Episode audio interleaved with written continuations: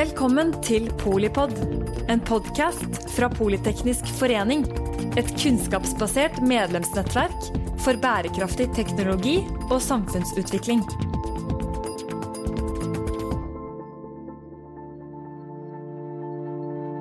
A good disruption makes a compelling case for redefining economic prosperity, unlocking creativity, and kickstart- kickstarting regenerative cycles in the digital age, sier Ellen MacArthur, foregangskvinnen for sirkulærøkonomi. Men hvordan kan dette se ut i praksis? De siste ti årene har utstrakt forskning og innovasjon ledet til fremveksten av noen av de mest spennende teknologiselskapene Norge har sett og produktene de utvikler, kan sies å ha potensial til å radikalt endre hvordan vi bruker ressurser i dagens økonomi. Velkommen til Full sirkel av Polypod.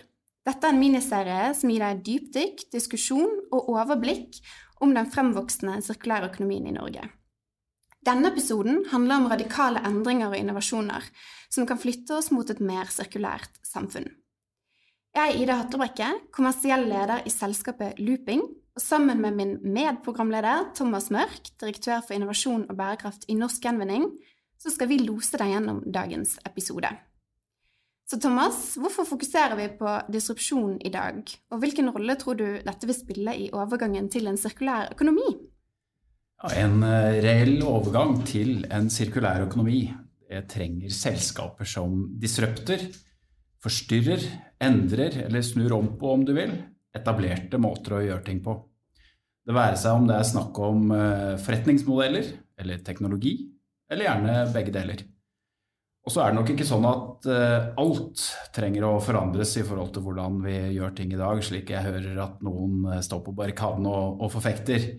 Men vi trenger helt klart aktører som angriper det etablerte, og forsøker å stokke om på kortene som vi har delt ut i dag. I den anledning så er det jo veldig spennende at vi har med oss to aktører som forsøker å endre landskapet innenfor to store og viktige områder. Gjødselindustrien og produksjonen av mat, og plastgjenvinning og produksjon av plast. Yes, for vi er så heldige at vi har med oss eh, Kåre Gunnar Fløystad, kommunikasjonsansvarlig i N2 Applied, og Erlend Grøner Krogstad, bærekraftsjef i Quantafuel. Og før vi dykker inn i temaene for dagens diskusjon, kan dere kort fortelle litt om hvordan selskapet dere representerer kan sies å være disruptivt? Kanskje Kåre Gunnar, du kan eh, begynne der? Det er jo et stort, eh, stort spørsmål. Det med dagens måte å produsere mat på er helt avhengig av nitrogen. Det er nitrogen som bygger opp eh, proteiner. Eh, det er det som gjør at himmelen er blå. Eh, lufta består jo nesten bare av nitrogen. Men uten nitrogen så blir det ikke noe matproduksjon. Og så er det sånn at vi har blitt flere og flere folk i denne verden.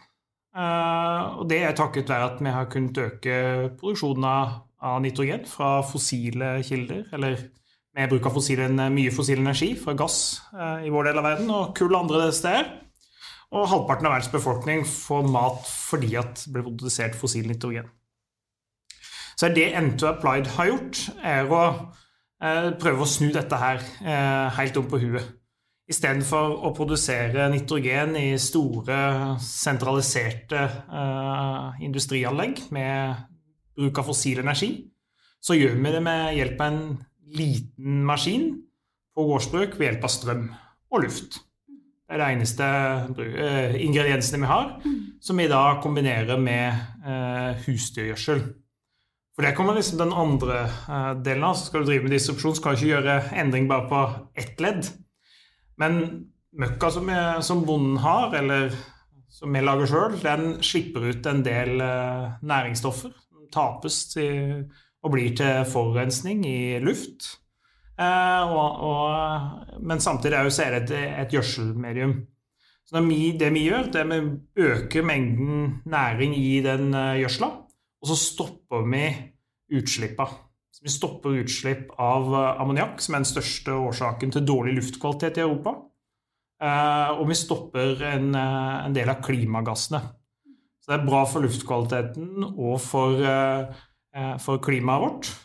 Samtidig som vi da har snudd det helt på huet og går fra den lineære verdikjeden hvor gjødsla er produsert, til at vi tar bedre vare på bondens egne ressurser og gjør matproduksjonen mye mer eh, sirkulær. Så jeg kan rett og slett fase ut altså, bruken av kunstig gjødsel? Ja, eh, og ikke bare det. Vi kan i tillegg få mye mer ut av de organiske avfallsressursene som vi, som vi har. Vi jobber mye med møkk eller biorest fra biogassanlegg. Det er jo mange andre eh, gjødsel, eller potensielle gjødselråvarer som i dag eh, ikke blir, blir brukt. Eh, og ender opp som, eh, som et, rett og slett det er, tap, det er, penger som er tapt for bonden, og det er avfall eh, som ender opp som forurensning for samfunnet. Eh, mesteparten av, selv om, selv om, det blir produsert mye ny nitrogen hvert, hvert, eneste år, så er det veldig mye som ender opp som, som avfall. Og av, av enkelte forskere sagt så mye som 80% blir avfall og tapes. Erlend, hvordan eh, kan kvantafuel være en game changer? Hva som er disruptivt med deres eh, teknologi? Det som er eh, situasjonen, er jo egentlig litt speilbilde av det Kåre Gunnar beskrev. Da. På plast så er det vel omtrent 80% som forsvinner ut av, ut av sirkelen etter at det er brukt, som blir forbrent. Så det er bare 20% omtrent som, som faktisk materialgjenvinnes. Så det, det er vel to ting tror jeg som eh, vi i Quantafuel kan bidra med. Det ene er eh, teknologi som klarer å gjenvinne mye mer plast enn det dagens teknologi gjør. Og det vi kan gjøre som ikke eksisterende aktører kan gjøre, at vi kan ta mer, et, et, mer blandet råstoff, altså forskjellige typer plastfraksjoner med en høyere forurensning enn det dagens aktører kan gjøre. Eh, og så kan vi omdanne det til et råstoff som kan bli brukt til å lage ny plast.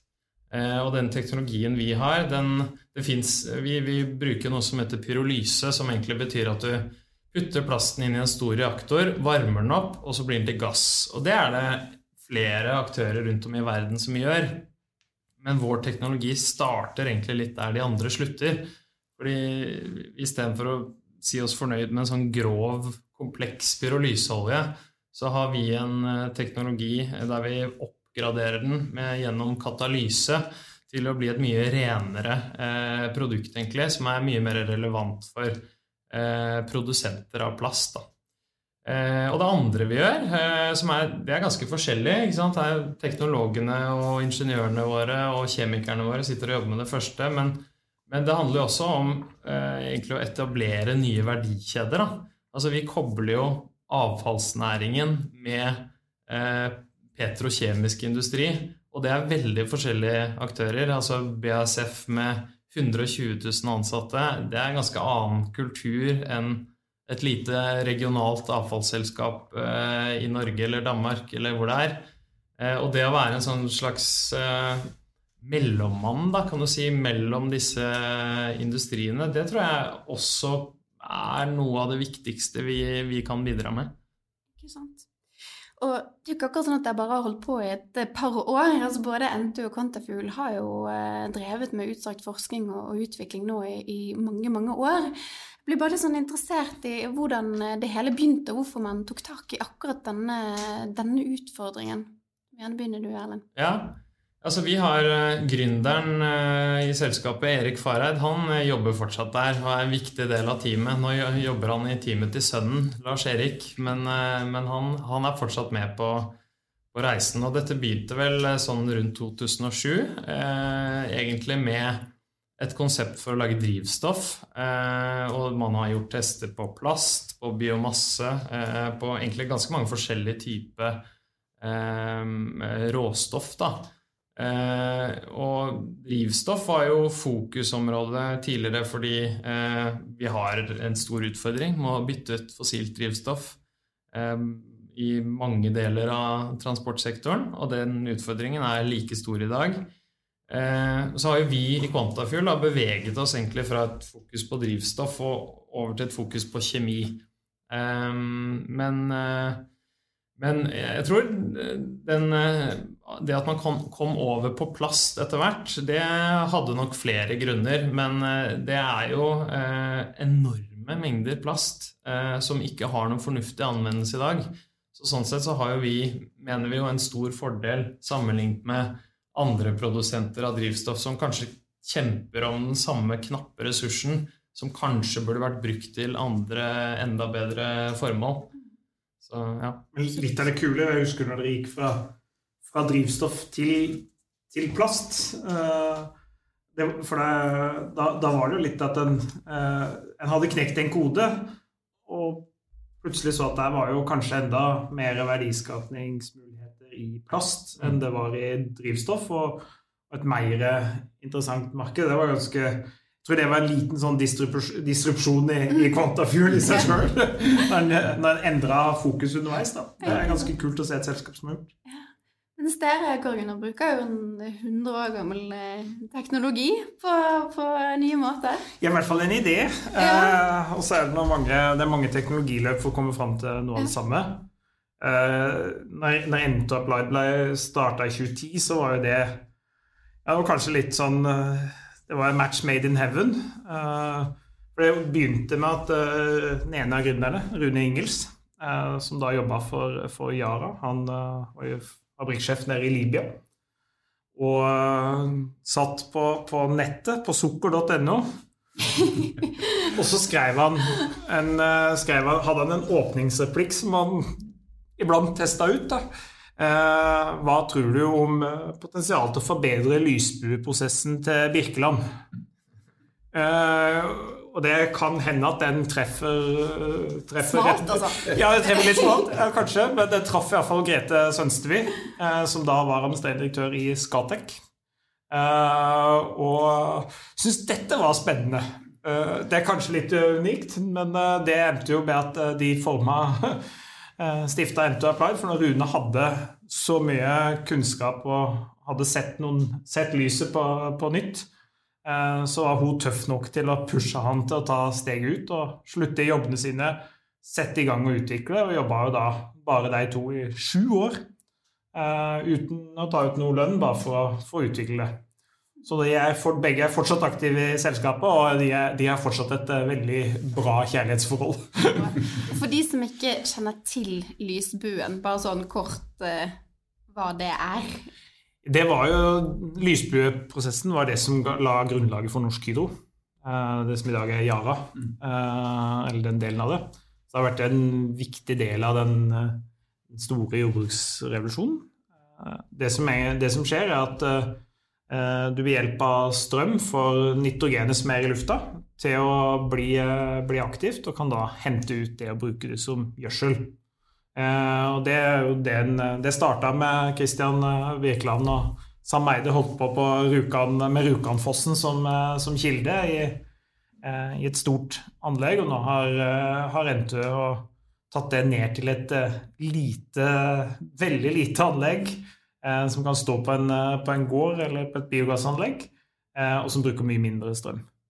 Så den har både effektivisert, men det mest spennende er jo det at en da kombinerer dette her med, med husdyrgjødsel og får en, får en, ekstra bonus med å oppgradere den avfallsressursen. Eh, men du, du, nevner jo Yara her, sånn, som jo er et, eh, et, av de største selskapene vi har i Norge, og en, eh, global gjødselprodusent. Er det, er det Yara og si, de som ligner på de, som skal være mest redd for at dere disrupter det etablerte, eller ser dere, på en annen måte? Altså, jeg tror egentlig ingen bør være redd for det, for dette her er en utvikling som hele verden trenger. Vi, trenger, vi må ha mat. Og uansett uh, hva en spiser, så kan vi fø den befolkninga vi har, så trenger vi uh, å finne bedre måter å gjøre det på. Dagens matvare, måte å produsere mat på sløser for mye med næringsstoffene. Mm. Noe forsvinner ut i form av de at vi spiser mat, og det, det, når det går i oss, så går det ikke nødvendigvis eh, tilbake igjen til, som næringsstoffer. Så det tapes jo ut i, i, i vann og vassdrag eller som forurensning til luft. Eh, men ved å kunne få dette her tilbake i kretsløpet, så får vi den sirkulære og kan drive matproduksjon i all evighet. Begge deres virksomheter er jo i, startfasen av det som man fremspør eh, å bli eh, store vekstbedrifter med et stort kommersielt potensial. Eh, hva tror dere vil være game-changeren som gjør at man da lykkes på skala? Og hva er utfordringene som gjør at man ikke har kommet dit ennå? For Quantafuel så må jeg jo si at er, planetene står i ganske riktig stilling nå. Altså, jeg, jeg, tror egentlig ikke vi kunne hatt et bedre legg liksom, for, å, for, å, få til det vi prøver å gjøre. Eh, vi har eh, altså store giganter som Coca-Cola, eh, BAC, eller eh, Coca-Cola Unilever osv. har jo satt seg store mål om at de skal blande inn mye mer resirkulert plast. Eh, i årene framover. Så vi vet at det er en kjempeetterspørsel etter det vi kan tilby. Vi vet at holdningene endrer seg, politikken eh, endrer seg. Vi, vi har jo, Jeg nevnte dette med eh, at vi har nå en reell resirkuleringsandel av plast på 20% Vi skal jo på bare fem år opp til 50% Det er jo egentlig helt vilt når du tenker over det. Så jeg tror det det handler om for oss, er at vi klarer å gripe den muligheten. Eh, og det er klart, det er ikke noe bagatell å gjennomføre de planene vi, eh, vi, har satt oss, men vi mener jo at de er realistiske. Vi mener at vi skal klare å bli den verdensledende aktøren på kjemisk materialgjenvinning av plast. Eh, og det, det, gjør at eh, vi er nødt til å vokse som selskap. Vi får inn stadig nye folk. Eh, de skal jo komme inn i selskapet og yte sitt beste. så det som på, har vært en oljenedtur for Norge, har jo egentlig vært en stor opptur for Kvantafugl. For det har vært masse flinke folk som vi har kunnet uh, plukke opp. Så jeg tror nok for, forutsetningene er bra. Ja, det, det, altså du, du, sier jo at dere rir på en bølge på mange måter i forhold til fokuset som er på plastproblematikken. Uh, og jeg, jeg, er enig i det. Uh, I norsk gjenvinning så, så håndterer vi alle typer eh, avfall.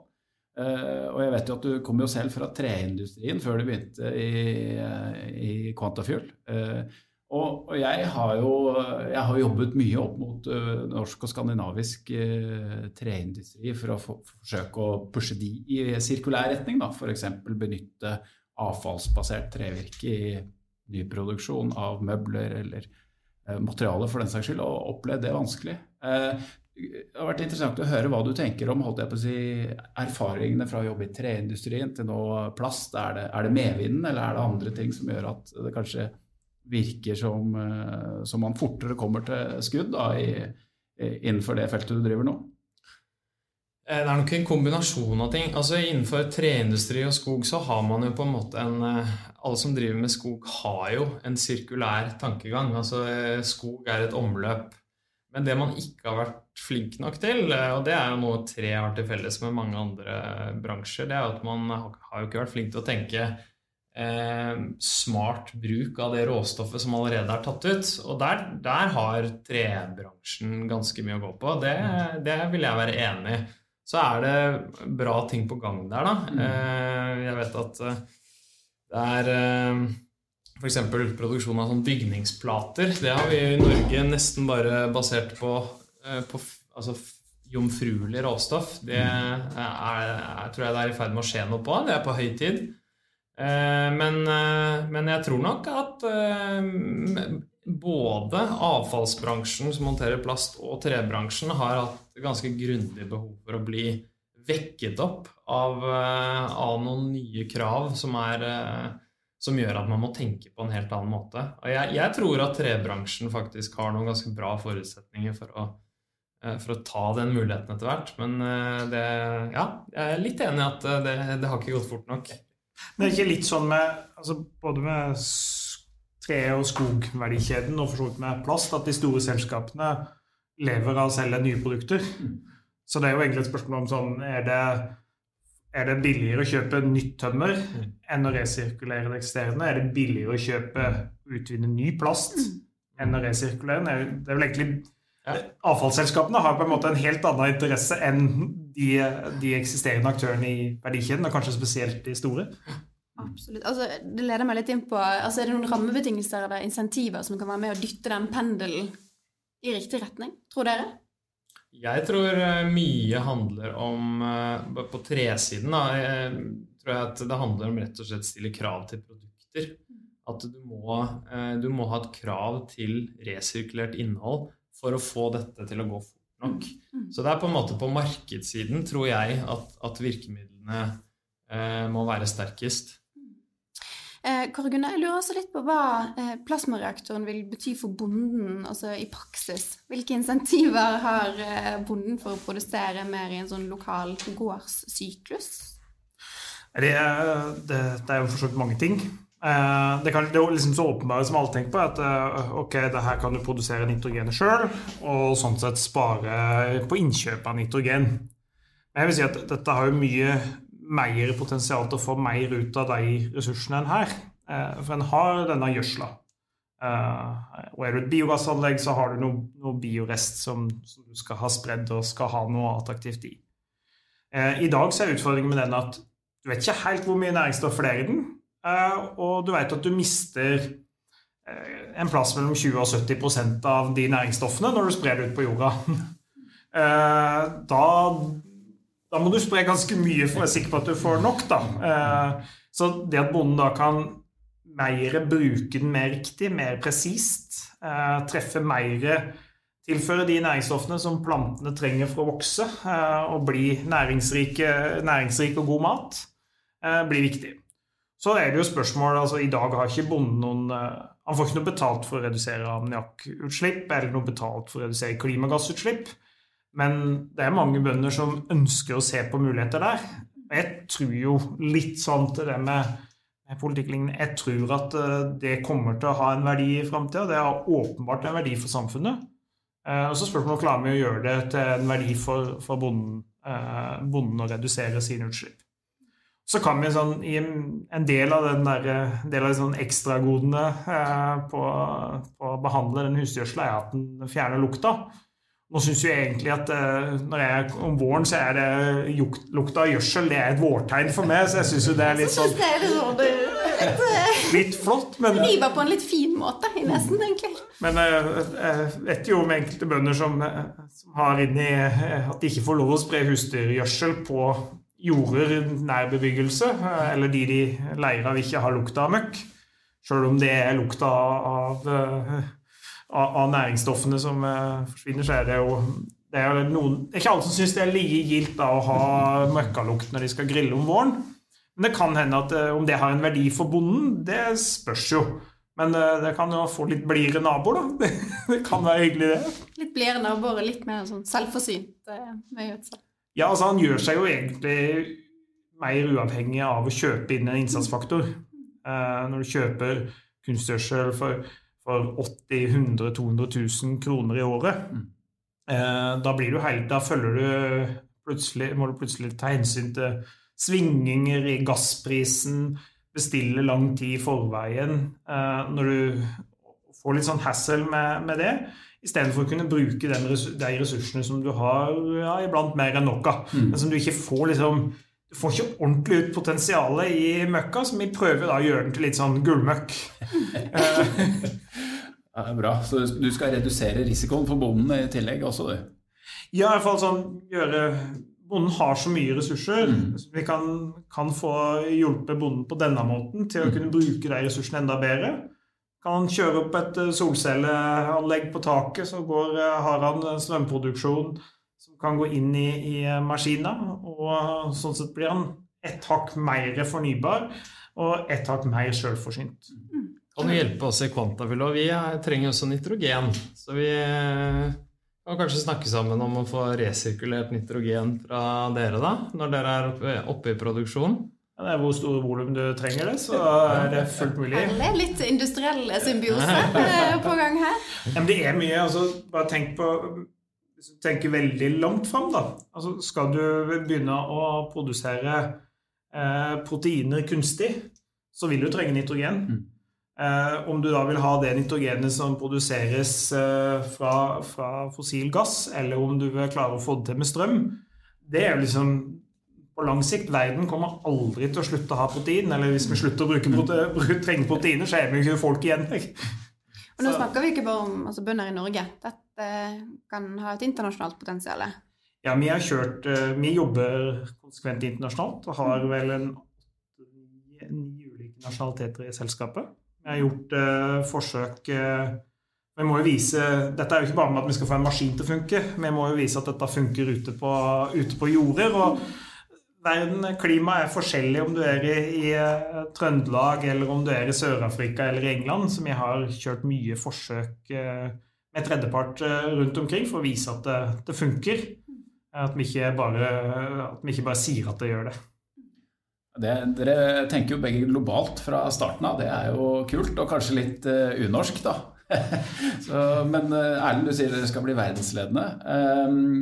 Hvor langt har dere egentlig kommet? Nå har dere en fabrikk i Danmark. og hva er, hva er status der, holdt jeg på å si? Og kan du si litt mer om hva slags type plast dere kan ta også? Kan dere ta alt?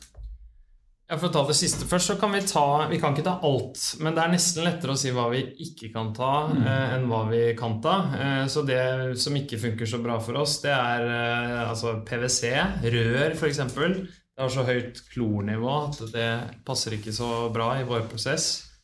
Eh, nylon eh, er vi ikke så glad i. Eh, og PET, altså flasker f.eks. Eh, er ikke, det er for mye oksygen til at eh, den prosessen vår, som da skal være uten oksygen, mm. passer så godt til det. Men der er det jo en bra, en fungerende verdikjede. Ja. Eh, så sånn sett så Altså de råstoffene vi kan ta, da, de fraksjonene som er Det er jo liksom polyetylen, både den myke og harde typen. Og så er det et par andre også. Eh, de er, det står for ca. Liksom 55 av eh, den årlige etterspørselen i EU etter plast. Da. Så det er en ganske bra match mellom det vi kan ta, og det som faktisk forbrukes. Og planen vår er jo at vi skal, vi skal bygge anlegg som er vesentlig større enn det vi allerede har bygd. Vi har jo akkurat hatt oppstart nå på det første anlegget vårt i Skive i Danmark. Eh, og så har, forventer vi å ha en yield på ca. 80% så det betyr at da får vi eh, Da får vi ja, rundt 16 millioner liter ut. Eh, så, eh, men i hvert fall, er, vi er i gang med oppstarten der. Eh, og vi kan eh, Det er liksom Når du gjør en ting for første gang Dette er jo liksom ny teknologi, så, så, vil jo ikke ting gå akkurat sånn som man har planlagt. Men vi er veldig fornøyd med den måten egentlig oppstarten har gått på så langt. da. Og så har vi planer også i Norge. da, Det har jeg lyst til å si her. At vi, vi, vi har eh, inngått et samarbeid med Replast i Kristiansund. Eh, og planlegger å bygge et anlegg i Kristiansund. Og det som jeg syns er ekstra kult med det, er at da skal vi egentlig kombinere forskjellige teknologier. Altså Replast har en type mekanisk eh, eh, gjenvinningsteknologi. Vi har en kjemisk. Så vi har lyst til å prøve å kombinere dem for å få liksom, størst mulig ressursutnyttelse. Og det tror jeg er en måte vi bør tenke på eh, framover også. Mm. mm. Så, så deres forretningsmodell, en del av det, handler jo i hvert fall om å selge et plastråstoff til f.eks. Eh, kjemiske aktører som BASF. ikke sant? Mens eh, f.eks. norsk gjenvinning, når vi sitter på et, en avfallstype som må eh, energigjenvinnes og gå til forbrenning, så vet vi at det, det koster penger.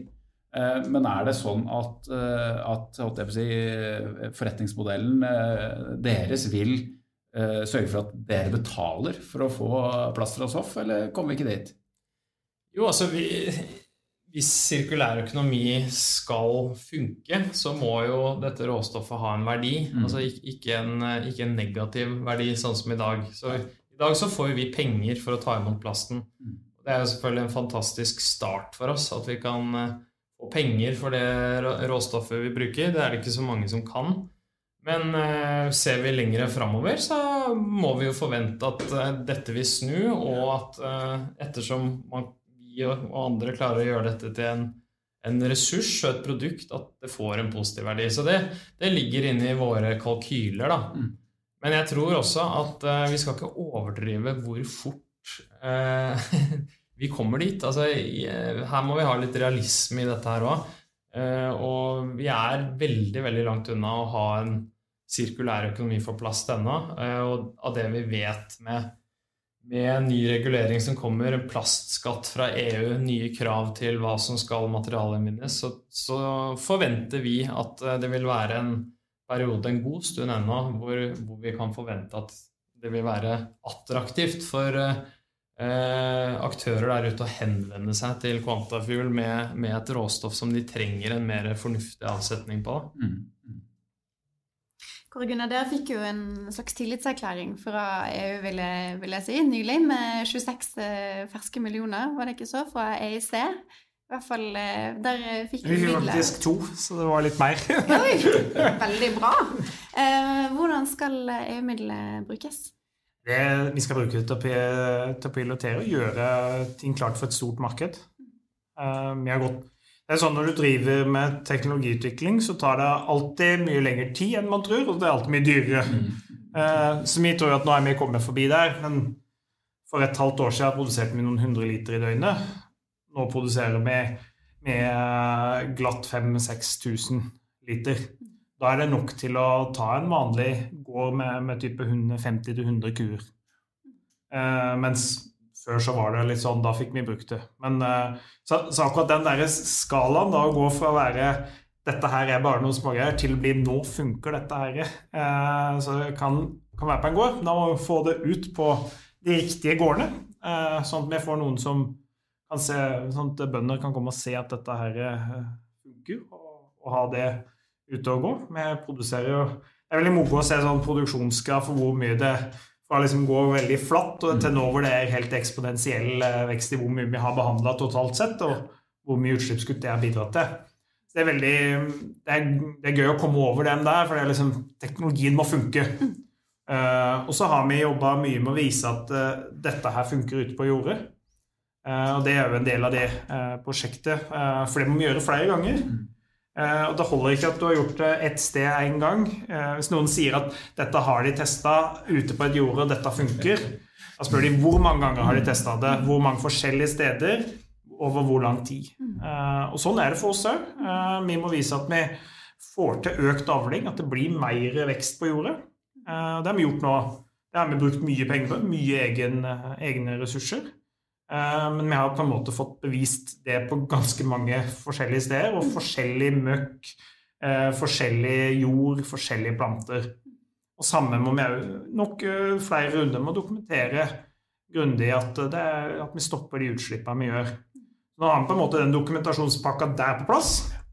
Men ønsker å gjøre enda mer. for å si sånn, ok, hvis, Når dere har de og de effektene, hva betyr det for fotavtrykket til en, en gård som driver med melkeproduksjon? Eller hva betyr det for en grønnsaksdyrker eller for et eh, biogassanlegg? Uh, og Det er jo en, noe av det vi må vise. ok, Summere det. Du stopper metan, hva betyr det? Uh, og det er jo noe Foreløpig har vi gjort, uh, gjort, et par analyser. og Da så vi at i, en analyse vi gjorde i Danmark på melkeproduksjon sammen med Arla, viste at vi stoppa reduserte klimagassutslippene per, per kilo melk produsert med 27 det er ganske betydelig.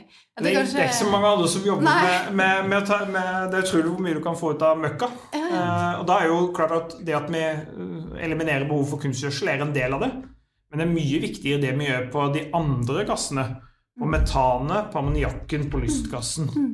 Eh, for det betyr mer for, eh, for klimaavtrykket enn om kunstgjødselen er produsert fossilt, eller om, om den skulle bli grønn, sånn som mm. industriaktørene prøver på. Landbruket har jo fått en del negativ oppmerksomhet på bakgrunn av disse høypotente klimagassene. Så det kan jo bidra til å nyansere dette bildet. Men ikke minst mot den langsiktige, langsiktige effekten på verdikjeden. Det er jeg litt nysgjerrig på. Hva tror du det her kan bety på sikt? Jeg tror det er sentralt for at en, eh, en skal kunne utvikle matproduksjonen framover. Vi er nødt til å produsere mer mat i verden uten at vi bruker mer eh, arealer. Eh, og samtidig må vi få ned utslippene.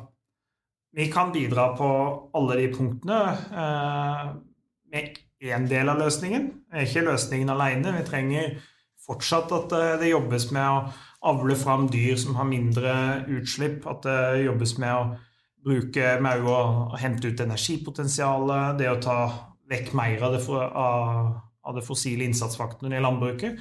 De har jo litt plast uh, ut på noen uh, traktoregg òg, som uh, en, en, i dag er ganske, ganske ren, ren olje. Uh, den er vel bra for dere? Ja, den er mulig for oss å ta. Den er ikke så verst gjenvinningsgrad på i dag heller, faktisk. Så det, Men norske bønder er gode på å samle inn, altså. Ja, ja, ja. Og det er homogent, ikke sant. Det er, eh, det er rent eh, og én kvalitet. Men bare, dette er kanskje et litt dumt spørsmål, men har det mye å si hva kuen, dyret, spiser for kvaliteten på gjødsel? Det vil jeg jo tro har en ganske reell innvirkning. Ja, altså det er bare å ta en titt i toalettskåla sjøl, så forandrer den seg avhengig av dietten. så for f.eks. det økologiske landbruket, så eh, kan dette virkelig liksom være en vinn-vinn. Det kan være the missing piece for å få mm. produsert nok nok mat. For det er en utfordring når du ikke Altså Grunnen til at vi trenger nitrogen, er fordi at vi ikke klarer å produsere nok. Det er derfor vi må ha kunstgjødsel. Vi får ikke produsert nok mat i verden for den befolkninga vi har. Eh, så det er viktig. Så er det ganske Fordøyelsessystemet og fôringa av, av, eh, ku og gris og folk den, eh, den er, er, krevende. Men alle som driver litt i den siste delen av, av verdikjeden, har jo sett at du kan du, du, vei, du, kan finne ut av hva de spiser, avhengig av hvordan sammensetninga der er. Det er jo bare å ta en titt opp på, på et bio, spør biogassanlegg om hvordan det varierer når det er julesesong og ribbe og, og sånn. Sånn er det for dyra òg. Eh, og hvis du har for mye protein i fôret, så blir det mer da Sånn at ikke kuene tar det opp, eller dyra får tatt opp nitrogenet. Og da blir det mer eh, som ender opp som avfall større potensial for ammoniakkutslipp. Og da med de konsekvensene det har for, eh, for, for klima, men først og fremst for, som en kilde til dårligere luftkvalitet i Europa. Mm. Jeg tenker Vi skifter litt uh, gir her. og Quatafuel, jeg, jeg, jeg, må jo bare spørre dere. Dere gikk på, på børs uh, tidligere i år. Og meg bekjent så er det vel dere som har hatt den beste reisen så langt. En børsvinner. Uh, og det, det, er jo spennende. Men hva tenker du, Erlend? Hva er det som, hva er, som er grunnen til det? Hva er driverne? Hva er liksom suksessfaktorene for reisen deres der så langt? Eh, jeg tror jo det handler om eh, at alle ser at her er det et problem som må løses. Og Quantafuel har liksom vært først ut av startblokkene med en løsning, og vi har en teknologi som vi har eh, bevist at kan fungere. Jeg tror det er så enkelt som det.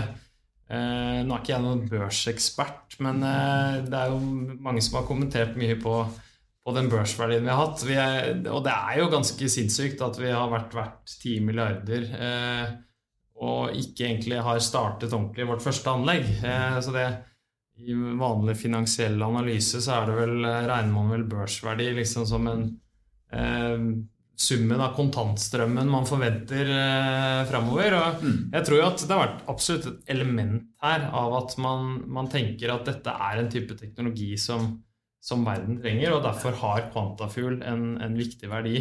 Eh, men, eh, men, vi mener jo faktisk at når vi ser på de planene vi har, eh, som vi tror er realistiske, så er det Da er vi veldig mye større enn det vi er per nå. Ja og at dere var først ute. Ja, det, det, er viktig, fordi som du vet godt også, så er dette her et spørsmål om å komme tidlig på banen, etablere seg, få logistikksystemer, få partnerskap med de som har den plasten som vi trenger.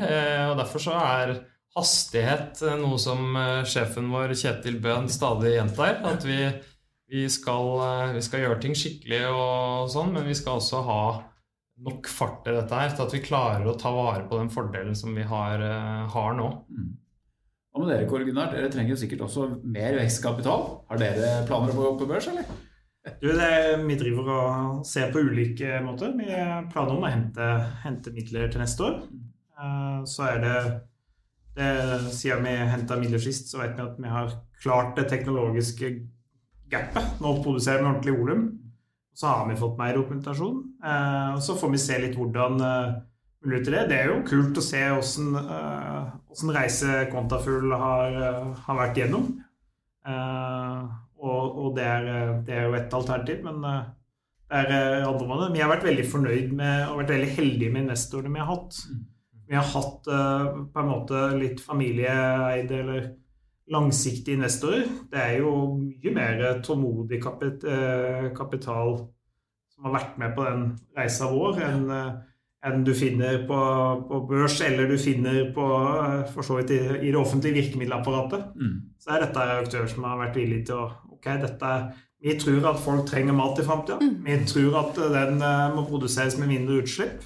Uh, dette kan være en løsning, og da vil de være med på den, den reisa. Og de har vært, uh, har vært utrolig viktig og vært, vært heldige der. Og det er vel et sånt tips som, som våre gründere sier ofte. Så velg hvem du Du bør eh, helst kunne velge hvem du har med deg eh, på investorsida. Eh, som ikke alltid er mulig, men ideelt sett så vel være nøye med hvem du velger som investor, for det kan være make it or break it for et, for et selskap. På en litt sånn I hvert fall spesielt når du skal utvikle teknologi.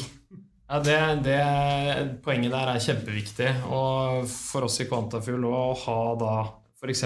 BASF som en investor i selskapet og en partner er utrolig viktig. Når du skal starte opp et eh, prosessanlegg og ha da de ressursene som BASF har, er, tror jeg eh, det er veldig, veldig viktig for oss. Eh, så vi er også eh, nå, jo, nå, er det jo blitt mange investorer i Quantafuel etter hvert. Også institusjonelle eh, eh, har kommet inn. Men det å ha den riktige typen, riktig type kompetansen, da, det, det er uh, utrolig viktig. Ja, det har gjort det kunststykket at vi faktisk har klart å komme oss gjennom alle spørsmålene vi hadde på listen. Som, uh, og fått uh, vite masse nye spennende ting. Så da gjenstår det egentlig bare å, å runde av. Jeg vil si tusen hjertelig takk til, eh, til, våre gjester og bidragsytere Kåre Gunnar Fløystad i N2 Applied og Erling Grøne Krokstad i Kvantafuel. Og ikke minst eh, takk til deg som lyttet på. Du finner denne og andre episoder i Full sirkel-serien under podkasten Polypod på både Spotify og Apple Podcast. Og ikke glem å følge Politeknisk forening for innsikt og inspirasjon om bærekraftig teknologi og samfunnsutvikling. Ha det bra! Takk for at du lyttet til Polipod fra Politeknisk forening. Få med deg flere episoder, eller bli med på nettverksmøtene som du finner på at polyteknisk.